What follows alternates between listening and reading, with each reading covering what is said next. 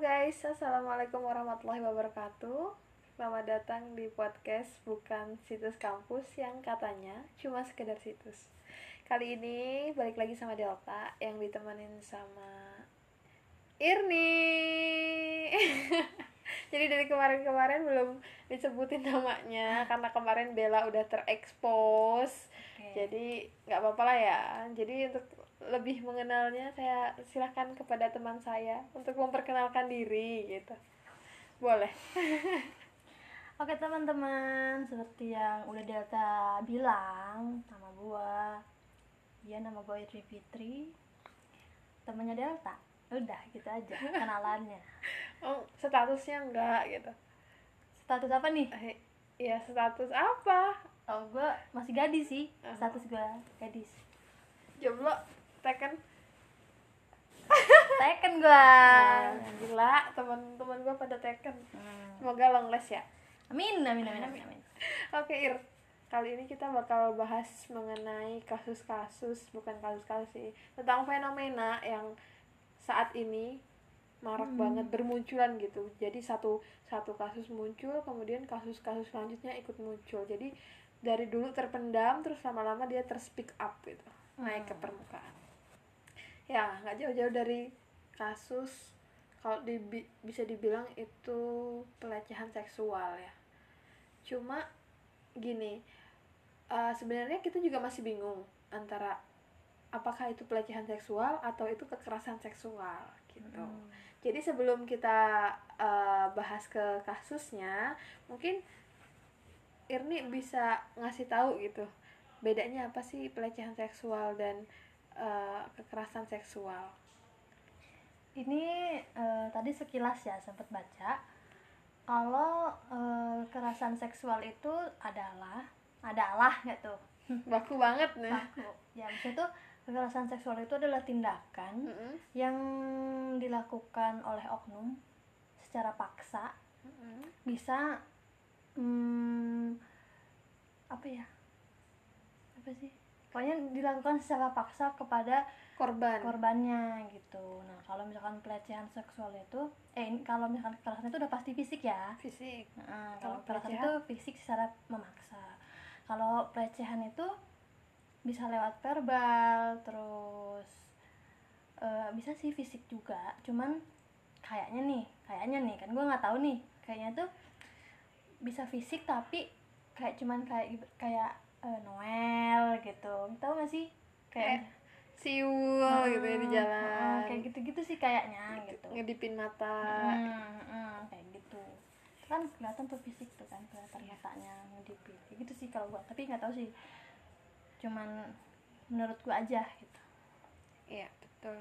Jadi bener sih kalau kata Irni. Jadi tadi juga sempat baca kalau ternyata pelecehan se- seksual itu masuknya itu ke kekerasan seksual. Jadi kalau ke kekerasan seksual itu lebih eh, secara umumnya gitu dan Hmm, eh, lebih apa terperincinya itu ada eh, pelecehan seksual. ya Terus nanti jenisnya ada yang diintimidasi seksual, Ada eksploitasi, ya ada terus uh, pemerkosaan itu masuk juga Iya. ke kekerasan seksual. Nah, ya. ini juga ada menurut uh, psikolog namanya Ihsan Bella Persada. Eh, teman kita dong. ya, tengahnya MC. Iya, Bella.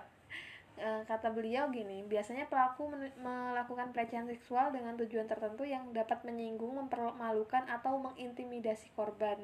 Jadi bener nih kayak misalnya kita lagi di jalan, terus tiba-tiba ada uh, orang tuh yang kiu kiu with you with gitu. you gitu. siul siul Iya. gitu lah ya Itu kalau kita merasa ke- keganggu, terus Iya. kita kayak merasa dipermalukan, itu udah masuknya ke pelecehan Pelecehan. seksual. tapi sih. kalau misalkan kita nggak merasa keganggu atau cuman malah kayak kita balikin siulin dia lagi karena mungkin kita pikir itu bercandaan itu masuk pelecehan apa enggak menurut Delta?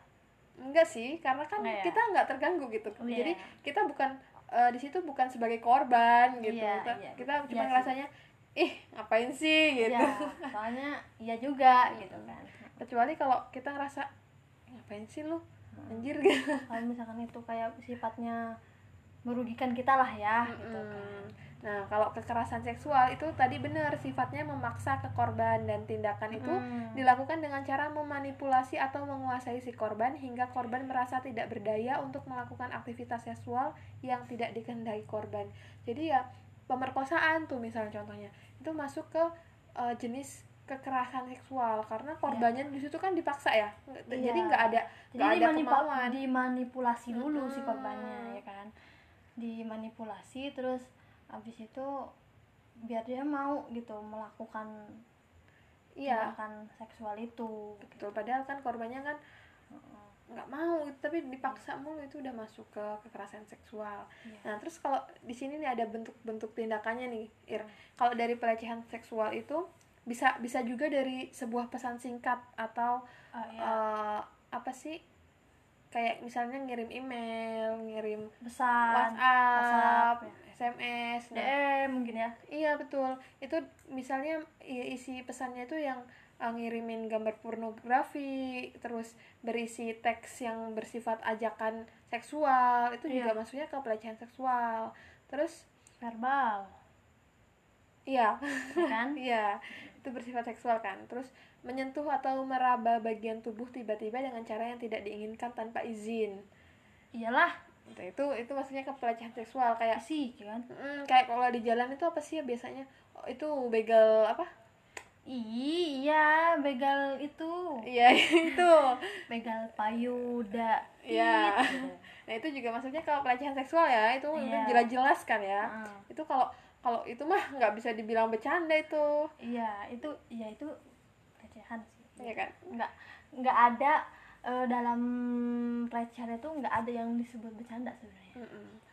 Terus nih ada lagi melirik atau menatap hmm, bagian ini wanita, terus Ah. alat kelamin, terus bagian tubuh lainnya secara jelas gitu. Jadi dia benar-benar, tidak Heeh, jadi ka- Ah, kayak iya iya iya terlalu apa Tapi sih itu menunjukkan dalam keadaan tertutup kan menatapnya iya, Iya kan? iya maksudnya Iya.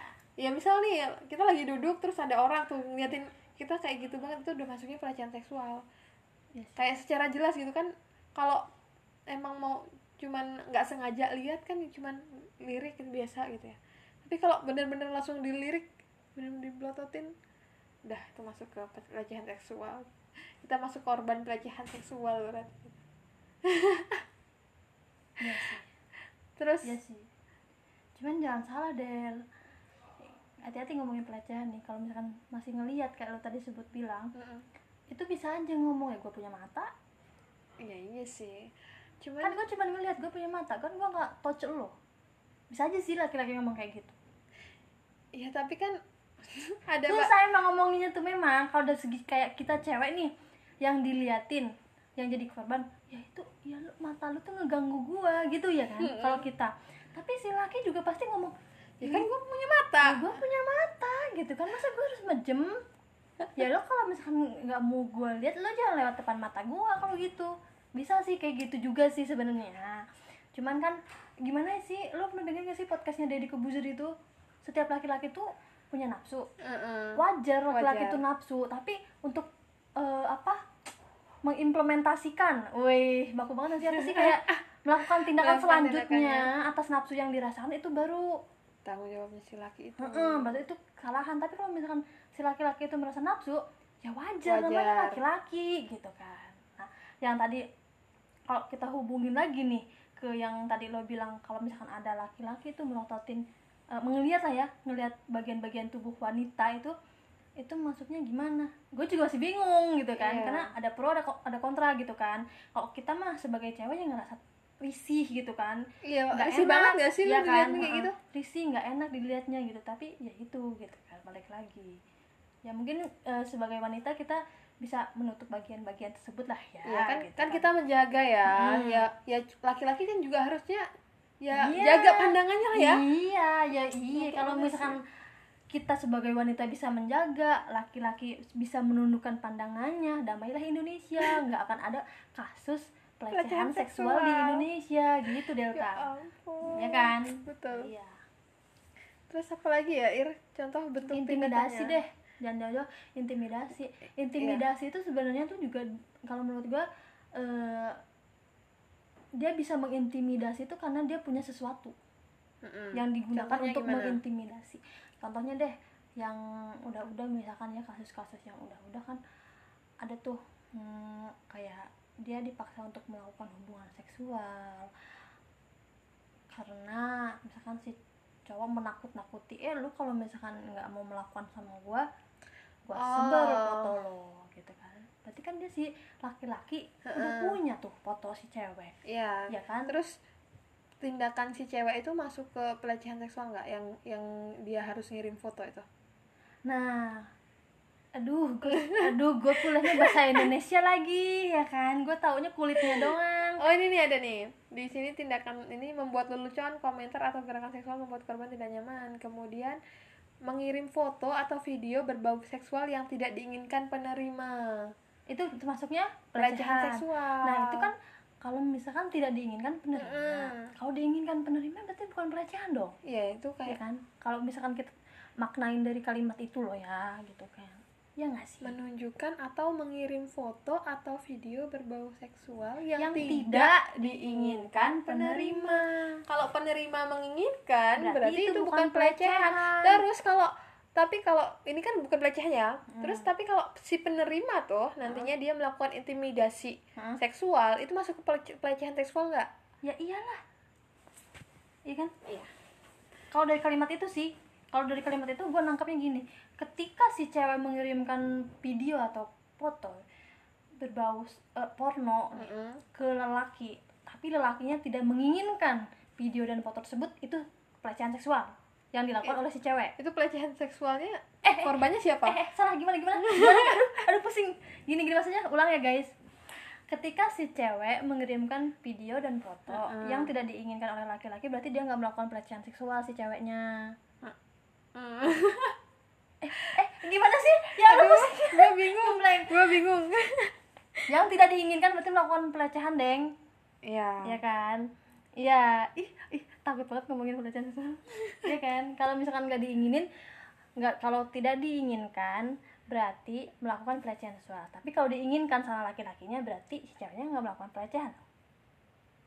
Berarti dia melakukan pelecehan seksual terhadap dirinya sendiri dong. Kalau ya lagian ngapain sih cewek tiba-tiba ngirim foto kayak gitu? ih jangan ke sana dulu kita ngomongin ini dulu yang mana yang melakukan pelecehan yang mana yang nggak melakukan pelecehan Yang melakukan pelecehan itu apabila si cowoknya itu tidak menginginkan. berarti ceweknya melakukan pelecehan Ya, kalau tetapi cowoknya menginginkan itu bukan pelecehan. bukan pelecehan Ya, kalau dari kalimat ini ya. Kalau di kalimat itu ya guys, ya ya Ah. gitu guys yang bener ya guys, jangan dipotong nanti gue dipotong terus gue jadi viral gitu. Nah, jadi bisa disimpulin yang melakukan pelecehan itu ya si ceweknya itu sendiri.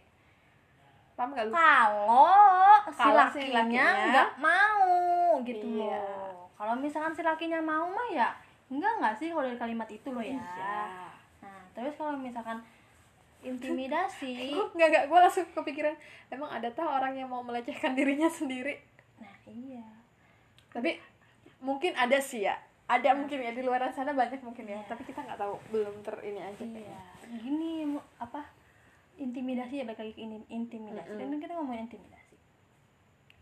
Intimidasi dilakukan karena dia punya foto atau punya, Punya. video, Mm-mm. punya something yang bisa Yang si korban mun- uh, punya, punya si foto, korban video untuk korban. menekan si korban Mm-mm. untuk melakukan hal yang diinginkan. diintimidasi Nah itu tuh kalau menurut gua ketika mengintimidasi, ketika dia mau menyebarkannya pun dia melakukan pelecehan seksual. Dan itu tindak Iya. kriminal, Betul ya kan? Mm-mm. Nah, itu itu udah jelas di situ kalau mereka, dia e, melakukan pelecehan dan melakukan tindak kriminal kalau gua di situ.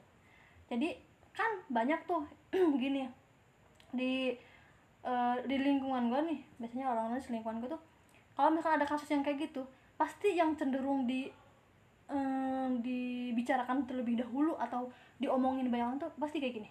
Yang lagian ngapain si cewek itu ngirim foto atau video kayak gitu ke cewek ke cowoknya yang barusan lo omongin juga. Nah, ini Nah, juga mau gue tanya kenapa nanti. lo fokusnya ke situ Mm-mm. gitu? Kenapa lo nggak fokus ke masalah yang yang misalnya tuh kayak masalahnya tuh ini foto ini foto ini video udah kesebar Udah kesebar. dan dilakukan oleh laki-laki itu. Misalkan ya yang dilakukan oleh laki-laki itu dan berarti kan itu kan tindak kriminal. Tindak kriminal. Kenapa fokusnya nggak ke situ? Malah kenapa fokusnya- fokusnya malah ke si cewek yang kenapa lu kirim foto dan video lu ke cowok ke cowok itu? Padahal itu udah jelas-jelas terjadi gitu ya malah di flashbackin gitu kenapa kan di flashbackin? Coba kalau kita eh, ajak mikir lagi. Even cewek itu ngirim foto dan video ke cowok itu kalau cowoknya nggak mau nyebarin atau mengintimidasi nggak akan kejadian kasus itu iya betul. Udah gua mau kirim ke lo lo ngejaga punya gua foto apa yang kayak gitu udah selesai masalah ya kan? Tapi kan banyak yang suka ngomongin ya kenapa lu goblok ngirimin kayak gitu kayak gini kayak gitu kayak gini? Ya kan? Iya. Ya kan?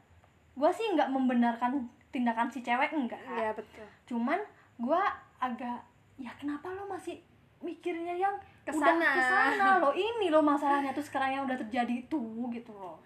Kayak gitu sih kalau gua ya gua juga nggak membenarkan ya boy.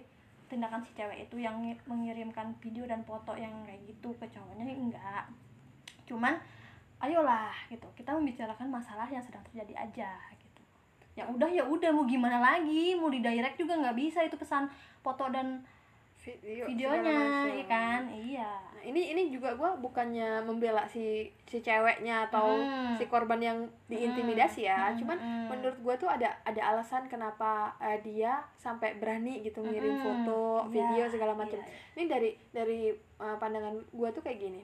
Mungkin eh, si korban gitu dia tuh punya masalah sendiri gitu loh. Mungkin dari keluarganya terus Iya. dari lingkungannya. Terus dia tuh kayak ngerasa eh, cuman si pelaku nih yang eh, bener-bener dia punya di hidup dia gitu jadi Mm-mm. kayak apa pun yang diminta sama si pelaku ya dia kasih karena karena dia mikirnya percaya Iya, iya. percaya ya siapa lagi sih yang yang sayang sama Ya, gua betul. terus nanti kan biasanya sih diintimidasi juga ya kalau lo nggak ngelakuin itu ya udah gua tinggalin lo jadi kan dia Nah, ngerasa ngerasa iya juga. itu kan ya ah ih nanti kalau gua nggak ngasih Gua sama sama siapa, siapa? kayak gitu kan Iya, Nah, tapi iya. ini ini bukan bukan Kan ngebelain ngebelain si ya cewek dan itu emang per- perilaku yang emang harusnya dibuang jauh-jauh Hmm, seharusnya ya nggak nggak usah dilakuin lah gitu kan cuman ya kita harus harus ngerti aja Hmm. kalau kalau udah ada kejadian kayak gitu ya jangan disalahin si korbannya kenapa mau ngirim foto segala macam Hmm. mungkin mereka punya alasan kenapa dulu pernah ngirim kayak gitu. Dan bener kat- kata Irni kalau si eh, pelaku nggak nggak nyebarin gitu nggak mengintimidasi ya nggak akan terjadi kasus kayak gitu.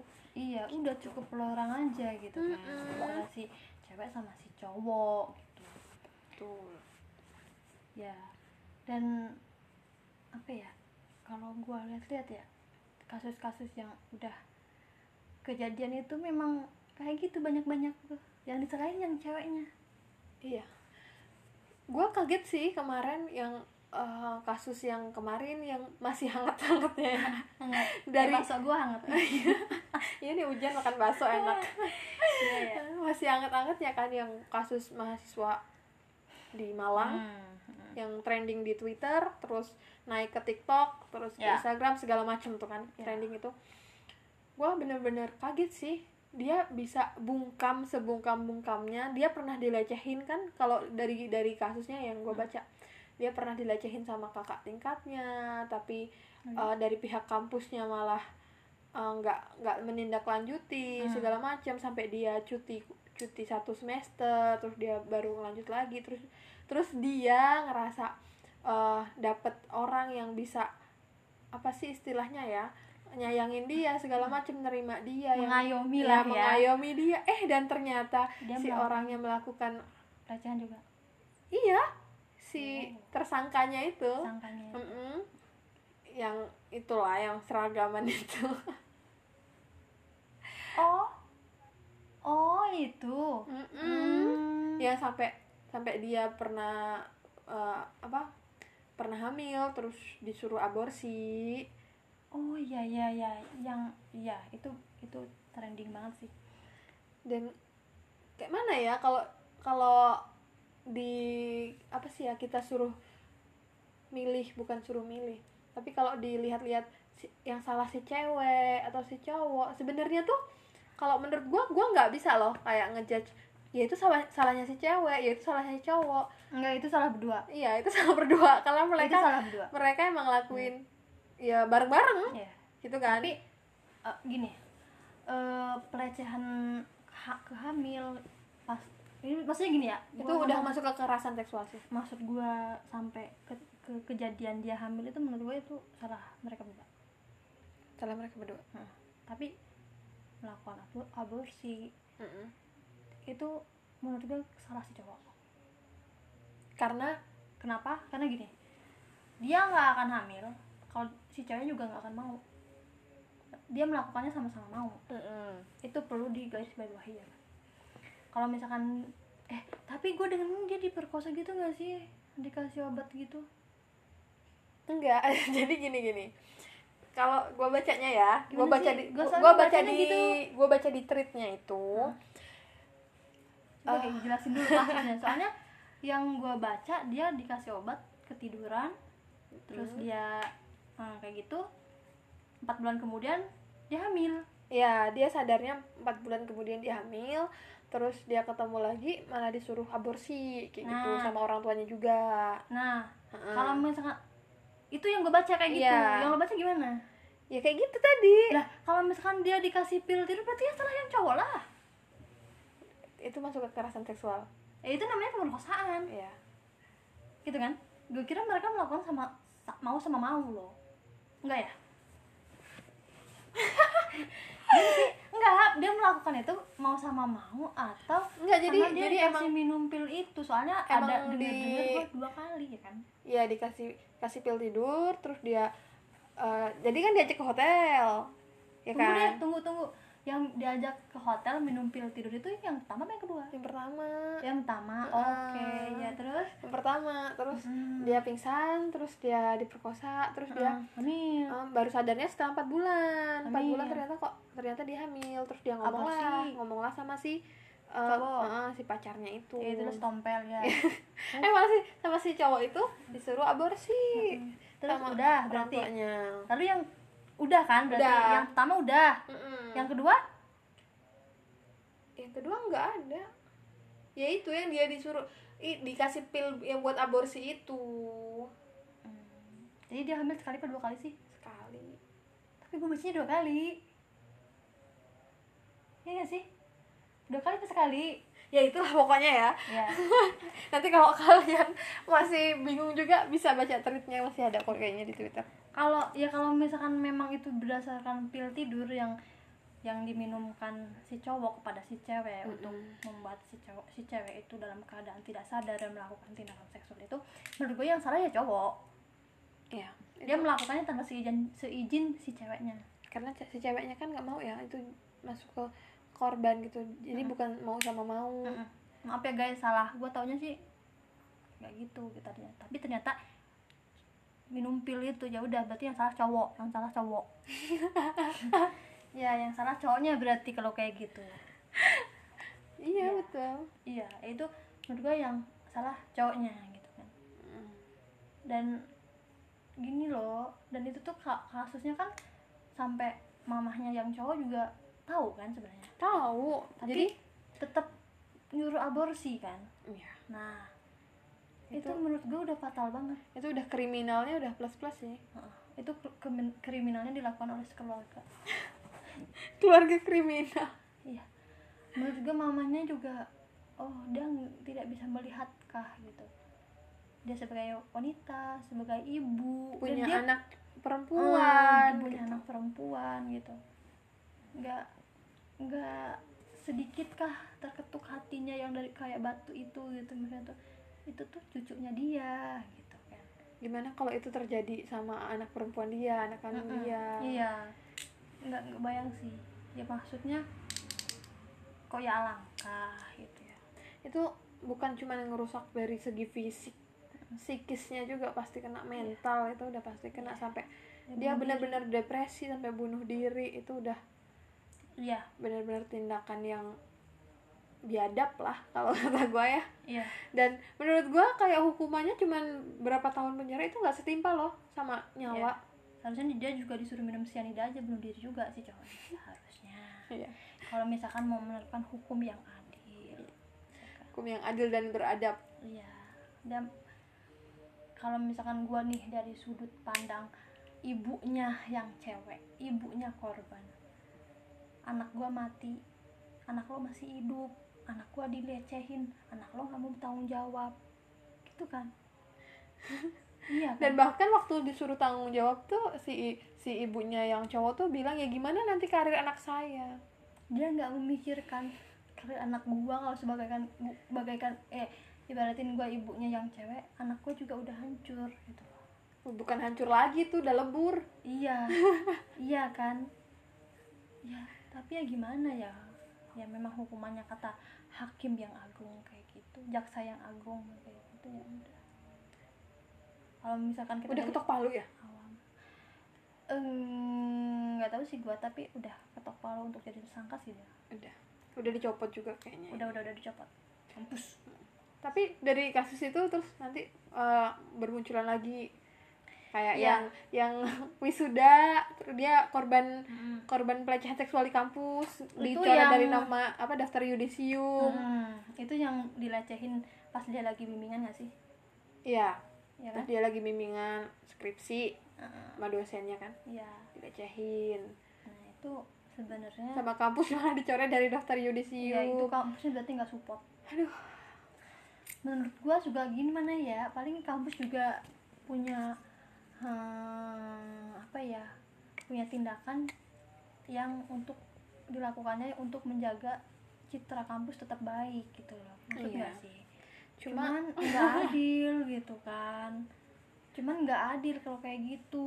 Anak orang kuliah capek-capek emak bapaknya ya nyari kan? duitnya. Tiba-tiba pas mau yudisium tiba-tiba nggak ada. Itu nyesek banget itu Iya.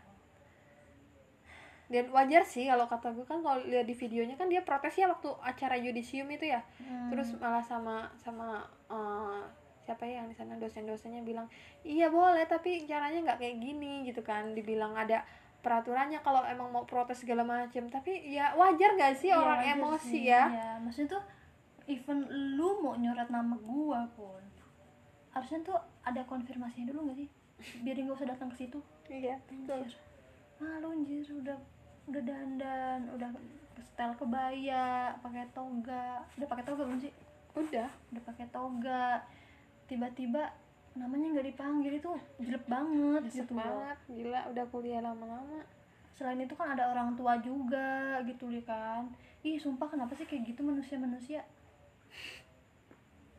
Kata gue juga udah bener kata gue juga yang kata Pak Nadim itu. Emang emang harus dibentuk satgas di kop eh satgas di kop satgas di kampus. Iya iya ya bener kan kemarin udah ada ini kan peraturan itu kan? Jadi kalau misalkan ada tindakan-tindakan atau kasus-kasus pelecehan kayak gitu tuh bukan ngadunya ke dosen, dekan atau apa pun itulah, bukan gitu loh.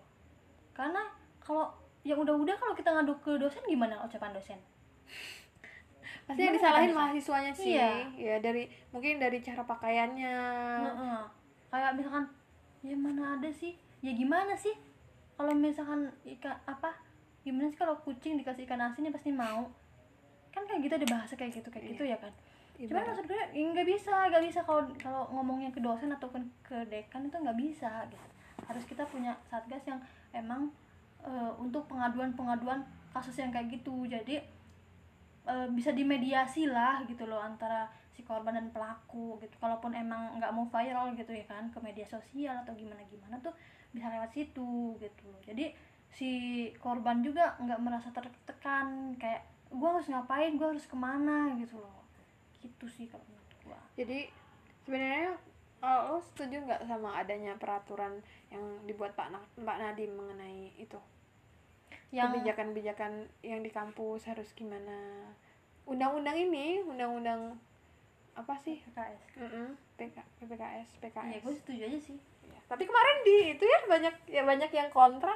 Gue gue setuju aja sih karena kalau sifatnya itu melindungi hmm, korban gue setuju aja. Dan kebetulan nih baru tadi nih Hmm. kayaknya di tempat kita udah udah mulai diterapin kok iya iya iya jadi Iya. kayak misal uh, bimbingan harus sama temennya Iya, betul, betul. terus kalau kalau uh, lagi ujian terus ada dosen yang nggak bisa terus nanti ada uh, apa ujian susulan Nggak si pengujinya nggak boleh sendiri harus Harus- ditemenin penguji Mm. yang lain Iya, iya, kayak iya. gitu Iya itu itu gue juga itu sih apa setuju banget sih sama aturan yang baru diluncurkan ya kan sama bapak rektor kita yang tercinta bijak sekali gitu Bijak kan nampaknya itu bijak sekali bimbingan harus ditemani. Ya memang begitu gitu. Iya itu buat ini sih me- mengurangi. Terus se- selain itu kan ada lagi yang kasus yang paling baru banget baru tadi sih. Nah, yang di pesantren ya nih sebelum ini nih sebelum kita ke kasus selanjutnya ini gue mau kayaknya nih. Kenapa eh, rektor kita menganjurkan untuk bimbingan sama temennya? Itu tuh kenapa coba? Coba kenapa? Karena biar kalau misalkan ada suatu kejadian yang tidak diinginkan itu ada saksi. Iya betul. Karena sebelum sebelumnya nggak ada saksinya. Jadi kita, jadi si korban ngomong tuh nggak ada saksinya gitu loh. Gitu gak sih iya gak sih? Iyalah. saksinya gitu loh ya kan? Gitu. Jadi si ibaratin si laki-lakinya ingin melakukan tindakan gitu tuh yang udah nafsunya udah diubun-ubun gitu ya. kalau misalkan tahu mahasiswa bimbingannya sama temennya nggak mungkin nggak pasti dia tuh ngelakuin itu nggak mungkin. Niat buruknya tertunda. Tertunda gitu aja kan? Dan itu juga selain di apa dikeluarkan peraturan bimbingan harus sama temannya itu juga eh, ada juga peraturan yang nggak boleh bimbingan selain di kampus. Harus di kampus ya kan? Dan harus ditemani oleh temannya. Bagus itu. Gua jadi nggak ada kok. lagi kok. Jadi nggak ada lagi dosen pembimbing dosen pembimbing yang minta untuk eh, bimbingan-bimbingan makan entah itu bilangnya makan atau ngopi atau apalah itu kan. Nggak ada kayak gitu kayak gitu lagi gitu. ya walaupun kita nggak tahu ya niat sebenarnya emang Iya. beneran makan atau Hmm. yang lain Nah, gitu. kan itu kan namanya meminimalisir niat yang akan muncul gitu ya kan. Ya udah di kampus di kampus aja lah temenin temenin gitu kan. Mm-mm. gitu. Bagus sih itu. Setuju ya? Setuju. Setuju kan ya jadi buat teman-teman kita semangat ya bimbingannya harus nyari temen ya. Ya calling aja calling. Calling aja. Calling calling aja calling. Calling temennya. Woi temenin gue bimbingan dong. Oke gitu. ya itu kayak gitu emang harus saling support sih. Iya. Coba kalau kalau lo lo sendiri suruh bimbingan berani nggak sendiri? Enggak sih pasti gua- minta temenin kan? Iya. Se- apa ya gue sebelum sebelum ada peraturan ini pun gue udah kayak gitu. Setiap bimbingan gue pasti ngajak temen gue gitu cara kita melindungi diri kita Heeh. walaupun kita nggak tahu kejadiannya nanti kayak Heeh. mana kan tapi udah sedia payung sebelum hujan sih gitu.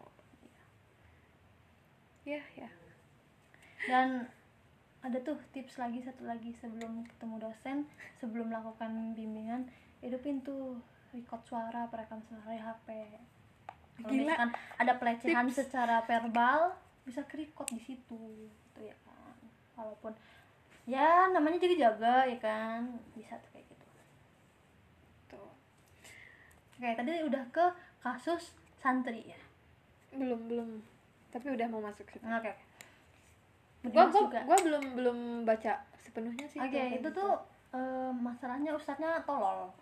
Ustadznya tolol. Ustadz gadungan ya Eh, nggak boleh panggil ustadz lah. oh iya Suci banget nama ustadz buat dia. Siapa sih namanya itu ya? nggak tahu gua Gue juga nggak tahu. Soalnya di highlight berita tuh ustadz ustadz ustadz ustadz gitu loh. Padahal udah nggak layak dipanggil ustadz gitu. ya, Ustadz itu kan na- kayak nama panggilan agung gitu ya suci ya. Mm-mm, mm-mm. nggak pantas banget tuh ustadz ustadz. ba- bacanya itu jadi santri-santri yang masuk di situ tuh di eh, tawarin bukan tawarin jadi kayak em, mereka ini diiming-imingi gitu masuk situ gratis gitu terus tahfiz 30 juz gitu jadi banyak lah yang mau masuk ke pesantren itu. Diiming-imingi gratis. Mm-mm. biayanya terjangkau gitulah intinya. Eh ternyata banyak yang jadi korun. Banyak loh. Berapa? 12 12 orang. Ada yang bilang 8 hamil eh 8 melahirkan 4 hamil. empat. apa? empat. Empat. Empat. Ah empat melahirkan. Oh, 4 melahirkan 8 hamil. kan semuanya dong. Kata gua dia ngetes apa gimana sih ngetes enggak ilmu maksud gue tuh koleksi. Gimana? Maksud gue tuh kok sampai Dan- 14 tuh? dan gue bingungnya dan kenapa itu sampai sampai udah melahirkan loh? Mereka kenapa nggak ngomong? Pertama kalau gue ya pertama santri itu tuh pasti takut ya? Takut. Terus dia mungkin mungkin usianya belum dewasa. Dia juga nggak ngerti mau ngomong kayak gimana. Nggak ngerti juga mau ngomong gimana harus gimana dan ngapain tuh dia nggak tahu juga Terus ngerti gak sih? Iya sih kalau kalau dilihat-lihat dari santri itu paling eh, usianya tuh SMP SMA ya. Mm-mm. SMP lah biasanya SMA ya SMP SMA SMA lah 17 tahun lah ya. Mm-mm. 17 tahun tahu apa tentang pelecehan seksual anjir? Iya kan? Kayak mungkin dia juga nggak paham harus gimana ngadu ke siapa ngomongnya gimana takut juga itu tuh pasti. Dan mungkin terintimidasi. Berintimidasi juga sama ustadznya gitu kan. Eh eh bukan ustadz sama apa Oknum. namanya oknum itu. Oknum yang itu. Ya oknum ustadz lah apa namanya. Iya. Dan itu menurut gua penjarain aja. Sebenarnya kalau di penjarain juga tuh nggak sesuai loh sama tindakan dia. Iya menurut gue ya. gimana ya wah ya di Indonesia ini hukumannya nggak sesuai sesuai ada yang udah mati dihukumnya cuma 20 tahun. Seumur hidup. Heeh, abis itu keluar dia hidup lagi. Iya kan? Banyak banyak. Iya kan?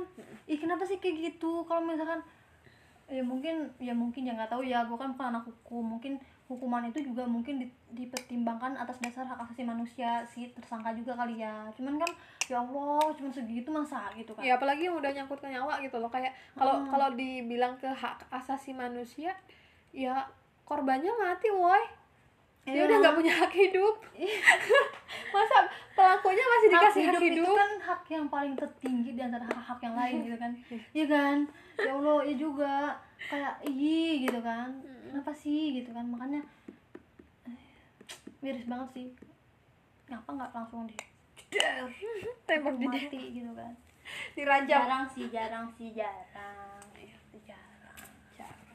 Tapi dari dari kejadian-kejadian yang udah kita lihat kita dengar gitu. Bahkan kalau kalau gue sendiri ya gue pernah eh, punya gitu maksudnya bukan punya sih. Pernah tahu secara langsung gitu kejadian eh, kayak intimidasi seksual itu. Itu di sekit- sekitar gue itu pernah terjadi. Dari kejadian-kejadian itu ya banyak sih pelajaran yang bisa kita ambil. Jadi dari kita tuh harus aware kita harus sadar di mana kita berada. Kita eh, gimana cara kita menjaga menjaga diri kita menjaga martabat kita sebagai wanita gitu. Iya balik lagi ya. Kalau menurut gue sih terbuka lah sama mamahnya sama keluarganya. Maksudnya tuh ya sama temennya lah kalau misalkan nggak berani sama mamanya kalau misalkan dia udah mengalami gitu kan ya. Jangan gimana ya? Jangan dipendam sendiri? Iya jangan dipendam sendiri. Karena gue yakin pasti dia bingung juga gak sih? Harus gimana? Nggak ada yang menguatkan dia loh tau gak sih? Iya kayak dia menanggung semuanya itu sendiri. Ah, iya. Nanti lama-lama jadi kalau dia kalang kabut iya. dia nggak tahu gimana juga ya kan? Makanya itu kayak gitu tuh kayak, kayak dia harus terbuka entah sama mamahnya sama temennya. Kalau nggak bisa sama keluarganya ya sama temen deketnya Mm-mm, lah temen minimal. deketnya memang dia sama dia percaya banget tuh Mm, diper- bisa. kan. dipercaya iya bisa dipercaya tuh dia harus kayak gitu sih menurut gua. Dan menurut gua tentang pelecehan seksual ini tuh harus disosialisasikan ya iya kayak pada siswa-siswa Dari dari SD malah kalau bisa maaf iya dari apa sih kayak pergaulan bebas segala macam seks itu tuh sebenarnya harus digalakkan gitu loh. Iya kurang kayaknya tuh. Mm-mm. jadi sebenarnya nggak apa-apa gitu kayak anak SD anak SMP udah tahu tentang seks segala macam. Kan itu edukasi Hmm, mengedukasi gitu. kadarnya kan beda, ya Beda. kan mungkin anak SD yang toel-toelan gitu kan. Karena menurut gua di tempat kita ini kalau si seks itu masih tabu gitu loh. Iya masih kalah ih ngapain ngajar sama anak kecil? Nah itu. Dikiranya kita ngajarin gitu. Padahal kan Hmm. kita kayak uh, tindakan preventif gitu ya kayak gitu buat mencegah. ngasih tahu loh ini tindakan kayak gini tuh tindakan pelecehan dan ini nggak boleh. Mm-mm. yang ini nggak boleh. Kalau misalkan kayak gini bilang ya sama Iya. mama. Kalau misalkan ada ini bilang ya gitu. Kan kayak gitu seharusnya ya kan? Itu kita bukan ngajarin ya sebenarnya kayak gimana ya? Kayak kita melakukan pencegahan lah. Ya preventif tindakan Heeh, preventif, iya. Gitu. jadi pencegahan. Dan eh coba mau nanya. Kayak gitu kan tadi kita udah ngomong tuh eh, kalau misalkan eh, ada kasus ceweknya gitu kan korbannya terus cowoknya tersangkanya ini menurut lo sebagai sudut pandang delta sebagai Mm-mm. cewek eh, kenapa sih cowok itu bisa kayak gitu ya? Dan kita ambil satu, satu contoh kasus aja ya. Yang ustadz tuh deh kenapa dia sampai kayak gitu? Maksudnya tuh kenapa sampai banyak gitu loh.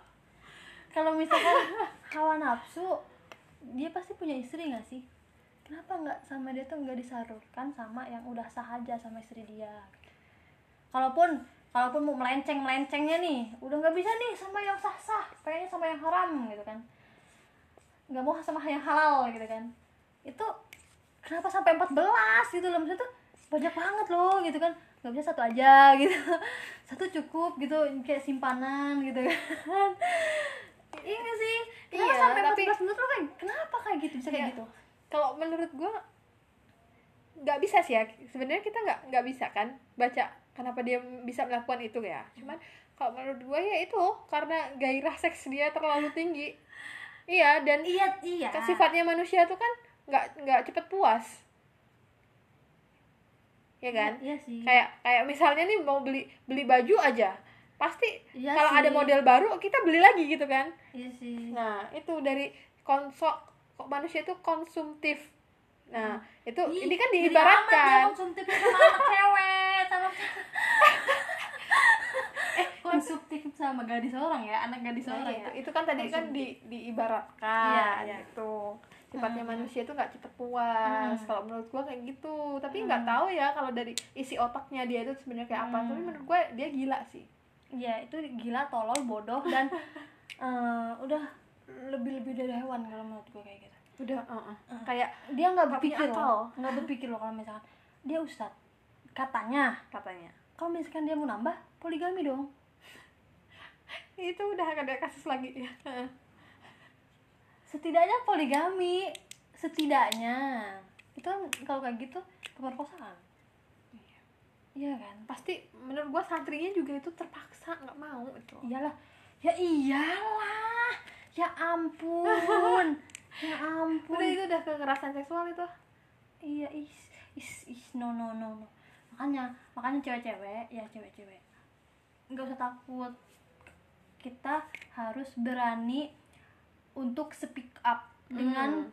kejadian atau eh ya kejadian yang kita alami speak up aja tapi speak upnya sama orang yang eh, bisa untuk mendengarkan kita bukan menghakimi kita gitu Ya nanti malah malah udah ngomong, ya lu ngapain lagian kayak gitu ya. nah itu, itu menghakimi udahan. itu udah udah udah jangan dilanjutin aja ngomongnya ke sana Iya. kalau yang kayak gitu bukannya dia ngasih solusi malah nyalahin Tuh. iya dah pokoknya untuk cewek-cewek Kita harus mawas diri. ya mawas diri dan Jaga diri lah. dan udah pokoknya hmm, lu bisa lu bisa lu bisa eh, ngelewatin itu semua jangan mengambil keputusan kayak misalkan bunuh diri gantung diri itu nggak perlu itu Itu udah ini sih dia udah nggak bisa mikir panjang kalau gitu. Mm. Jangan sampai uh, ada pikiran pe- sependek itu gitu. jangan ada pikiran pendek itu Jadi gini lah, uh, lo nggak sendiri kok di dunia ini. Masih banyak orang-orang yang peduli sama lo. ya Jadi kalau misalnya dari teman-teman di sini ada yang korban, nggak apa-apa cerita. Kalau emang dirasa dari dari orang-orang di sekitar kalian itu udah nggak nggak bisa gitu dengerin cerita kalian, keluarga kalian, teman dekat kalian, nggak apa-apa kok cerita sama kita juga nggak apa-apa nanti. iya kita pasti bener Kita kita bantu, kita dengerin. nggak usah ngerasa insecure Iya, betul. ya Apalagi kita sama-sama cewek ya. iya kita Pasti- tuh pasti tahu Heeh. ya Kita ngerasain gitu walaupun Iya. kita nggak nggak ngerasain langsung, cuman Iya. kita dapet gitu feelnya. pasti kita bantu teman-teman speak up aja ke kita dulu gitu kan. Pokoknya semangat buat kita semua. Pokoknya eh, satu lagi kalau eh, dari kekerasan seksual itu nggak bisa dari dilihat dari pakaian ya. Oh no nggak bisa. Nah, nggak bisa. walaupun eh, pakaiannya rapi eh, maksudnya tertutup terbuka itu nggak bisa disalahin dari pihak ceweknya. Mau seterbuka Ya. apa pun pakaian cewek kalau misalkan otaknya cowok ataupun hawa nafsunya masih bisa dikendalikan nggak akan kejadian tindakan pelecehan seksual gitu kan.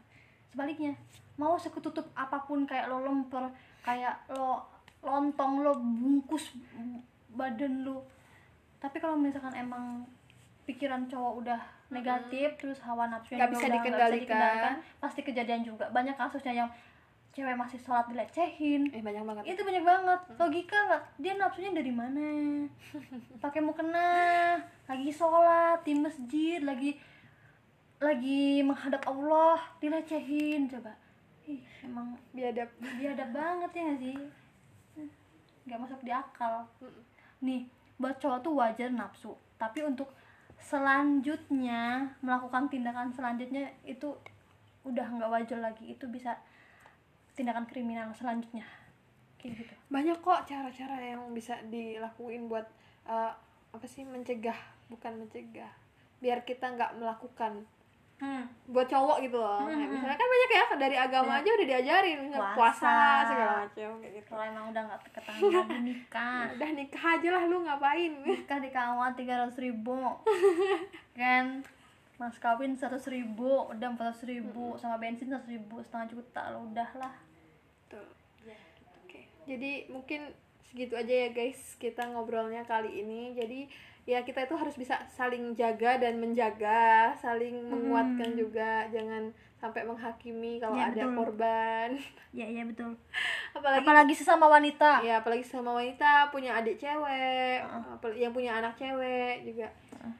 Dan gue suka nih yang kemarin uh, ada kalimat habis ada kasus NW kemarin uh, kalimatnya bukan cuma jaga anak perempuanmu tapi juga didik anak laki-lakimu. ya betul Oke guys segitu aja.